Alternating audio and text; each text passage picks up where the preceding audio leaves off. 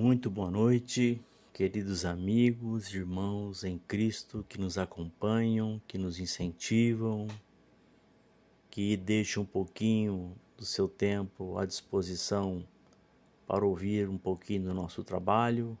É insignificante, mas é algo que sai do coração, procurando de alguma forma elucidar um pouco as nossas mentes, né? abrir um pouco mais para buscarmos horizontes cada vez mais nobres em nossa vida.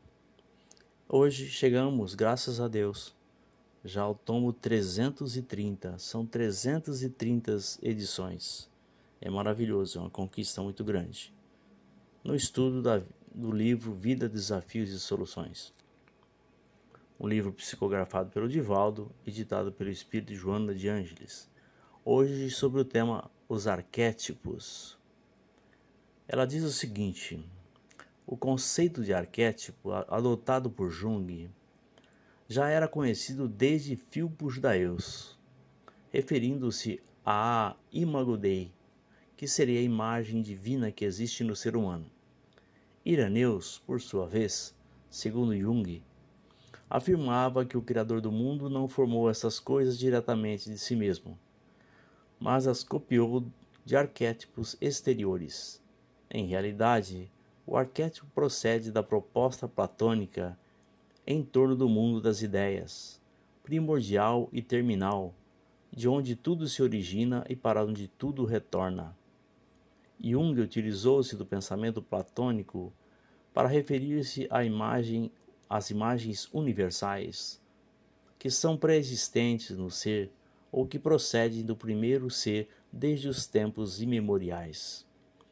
Permanecem esses símbolos no inconsciente humano, independendo de quaisquer outras construções psicológicas, dando-lhe semelhança e até uniformidade de experiência, tornando-se uma representação que perdura imaginativamente.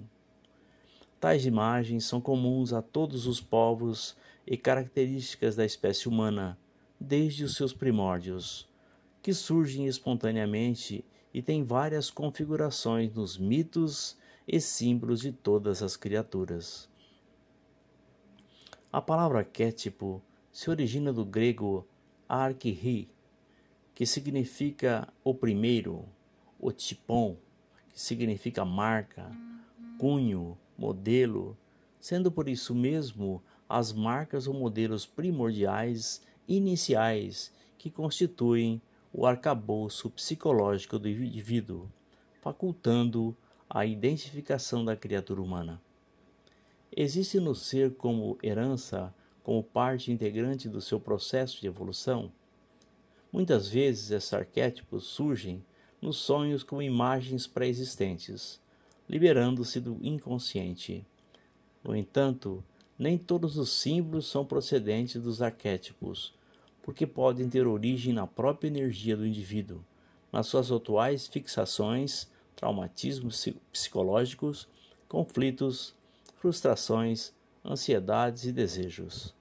Diferem os arquétipos dessa energia inerente ao ser porque os primeiros têm um caráter universal, enquanto os outros são individuais. Em se considerando a universalidade dos arquétipos, há uma grande variedade de símbolos que, for, que foram classificados por Jung e posteriormente pelos seus discípulos e sucessores. No entanto, não podem ter um número fixo, porque sempre estão a apresentar-se com características individuais em variações naturais decorrentes de padrões e sinais de cada personalidade. Jung asseverou que o termo alma adotado pelas religiões apareceu naturalmente em razão do arquétipo que tem a sua contrapartida psicológica. Na mulher, a alma seria masculina, de existência interior, que se casa com o Cristo, no conceito da união paulina e do matrimônio religioso na mulher com Jesus, enquanto que no homem é feminina, como sendo a sua musa inspiradora responsável pela beleza poética, literária e artística em geral. Essa representação psicológica aparece nos sonhos como ânima para os homens e ânimos para as mulheres. Se um indivíduo tem um sonho com o demônio, não significaria necessariamente que estivesse em contato com ele, mas o arquétipo símbolo do mal, que existe no inconsciente de todos os povos desde a sua origem e permanece através dos milênios. Assim também o anjo, o amor, o ódio e outros são símbolos que sempre existi existiram no íntimo dos seres e que se transmitem através do inconsciente coletivo, exercendo um papel preponderante na linguagem onírica e no comportamento existencial. Eles surgem e preponderam na vida psicológica dos indivíduos sem que os mesmos se deem conta, aparecendo inclusive nos acontecimentos banais, comuns do dia a dia. Quando alguém se refere a outrem, exaltando-lhe o estoicismo ou citando a covardia, está identificando o arquétipo que vive no seu próprio inconsciente e tem um caráter geral, comum a todos os demais. Assim sendo, sempre é encontrado nos outros aquilo que jaz na própria pessoa, o que lhe facilita o reconhecimento. As criaturas são todas multidimensionais, possuindo características comuns, resultado da perfeita união dos arquétipos que constitui cada individualidade. Isto faculta a compreensão da outra, a sua identificação em valores, qualidades e sentimentos. Normalmente, esses arquétipos aparecem envoltos em símbolos místicos, divinos, com características de realidade ou em forma de fantasias, que os sonhos desvelam de maneira determinante. Concordando em parte com o eminente mestre, agregaríamos que muitos símbolos que se apresentam como arquétipos provêm de um outro tipo de herança primordial, a da experiência de cada espírito pelo imenso oceano das reencarnações. Graças às mesmas, são transmitidas as vivências de uma para outra etapa, prevalecendo como determinantes do comportamento aquelas que foram mais vigorosas, assim estabelecendo no inconsciente individual e profundo símbolos que emergem no sonho ou durante a lucidez como conflitos variados necessitados de liberação. O processo da reencarnação explica a presença dos arquétipos no ser humano, porque ele é o herdeiro das suas próprias realizações através dos tempos, adquirindo em cada etapa valores e conhecimentos que permanecem armazenados nos refolhos do ser eterno, o que é.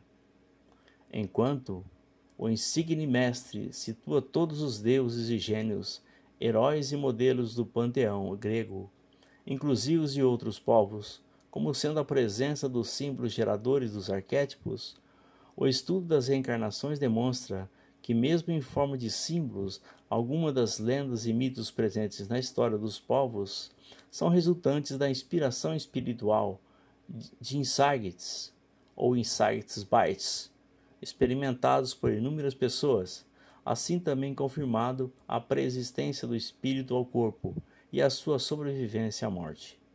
Esses tipos primordiais, retiradas indumentárias das lendas, que pertencem ao desenvolvimento do pensamento nos seus vários níveis de crescimento até alcançar o racional, o lógico, existiriam não somente na imaginação, mas como realidade que a fantasia adornou e perpetuou em figurações mitológicas. Certamente, como afirma Jung, esses arquétipos aparecem nos sonhos como personalidades divinas, religiosas, portadoras de conteúdos transcendentais e se apresentam como sobrenaturais, invisíveis e invencíveis. Em muitas circunstâncias, porém, são encontros com seres transpessoais que sobrevivem à morte e que habitam não só o mundo das ideias, da concepção platônica, mas o da energia, precedente ao material, ao orgânico que é casual, causal e atemporal. Podemos, portanto, em uma visão transpessoal dos acontecimentos, associar os arquétipos a outro tipo de realidade vivida e incita no inconsciente profundo do espírito, ditando os comportamentos da atualidade, que são as experiências espirituais parapsíquicas e mediúnicas. Aprofundar a busca no oceano do inconsciente para eliminar os conflitos decorrentes das várias ocorrências passadas, as atuais e as das reencarnações anteriores, conseguir a individualização eis a meta que guarda aquele que deseja estar desperto, consciente da sua realidade e que luta em favor da sua iluminação interior e felicidade total. O que nós entendemos sobre isso? Seria importante definirmos o significado de arquétipos para que o entendimento seja facilitado. Arquétipo é modelo ou padrão possível de ser reproduzido em simulacros ou objetos semelhantes. Qualquer modelo, tipo, paradigma. São símbolos, marcas, situações e momentos que se transformam em modelo a ser seguido. Como estamos nos referindo ao ser humano e dentro dos, de conceitos abrangidos pelas doutrinas reencarnacionistas, seria todos os tipos de movimentos que caracterizam a formação do ser através das existências sucessivas e a influência desses estágios na caracterização dos comportamentos, traumas, conflitos e todos os demais procedimentos psíquicos que acompanham a criatura no, no decorrer de seus estágios, nas suas existências físicas e espirituais. São esses arquétipos que nos levam à definição do modus vivente de outras pessoas. Por que isto ocorre? Porque visualizamos nos nossos semelhantes aquilo que trazemos dentro de nós mesmos. O próximo é o espelho que reflete a nossa própria imagem. Sempre estamos vendo nos outros aquilo que faz parte, que integra a nossa própria personalidade. Jesus foi mestre e o maior deles em psicologia comportamental, tanto que nos ensinou os antídotos e a terapia preventiva contra esses arquétipos que nos integram e, nos, e, e que utilizamos para boa parte boa, em boa parte, para denegrir a imagem de nossos semelhantes. Quando ele nos disse: Não julgais para não seres julgados. É que cedo ou tarde tomaremos conta que estamos transferindo para os nossos semelhantes parte integrante e ativa de nós mesmos. Será uma imensa decepção para nós quando nossa consciência, livre de sua casca biológica, nos mostre o erro imenso que cometemos. Maravilhosa terapia preventiva, não é mesmo? Disse ele também: Perdoai vossos semelhantes a fim de que sejam perdoados pelo Pai Celestial. A ausência de perdão também é um arquétipo que trazemos agregado em nossos comportamentos. Porque, como nos disse Joana, existências mais vigorosas que nos trouxeram plena satisfação, mesmo que não traziam nada em si de, de dignificante, criaram marcas profundas, arquétipos que ainda permanece agindo de forma danosa em nosso jeito de ser, pensar e agir. Vamos dar alguns exemplos de arquétipos para melhor compreensão: ódio, violência, astúcia, medo, inveja, etc. São sentimentos que nos acompanham por inúmeras reencarnações. E, como não e como nos foram úteis neste processo, foram fixados em nosso comportamento e agora fazem parte dele. Por isso que todo tipo de reforma deve vir seguida de boa vontade, pensamento firme e força interior, porque estamos tratando de marcas profundas que nos acompanham por milênios, e sem disposição e muita disciplina não atingiremos êxito. Por isso que é muito comum observarmos nossos irmãos desistirem da mudança e optando pela mesmice e comodismo, retardando ainda mais algo que a tempo deveríamos ter realizado. Existe em nós um arquétipo memorável, esplendoroso, magnífico, que se chama Eu Divino. É a chama permanente que trazemos em nosso interior, chama que nunca se apaga. É o elo de ligação do filho com o pai. Esta energia vigorosa luta intensamente para se libertar das amarras psíquicas e biológicas que ainda norteiam nossa evolução espiritual. Suas energias potentes ainda não conseguem atingir plenamente a superfície. Existem colchões que amortecem esses fluxos energéticos, impedindo que ela resplandeça em toda a sua plenitude e expresse ao mundo a obra maravilhosa que Deus criou, que se chama você. A unificação desses colchões psíquicos é que favorecerá esta eclosão de bênçãos.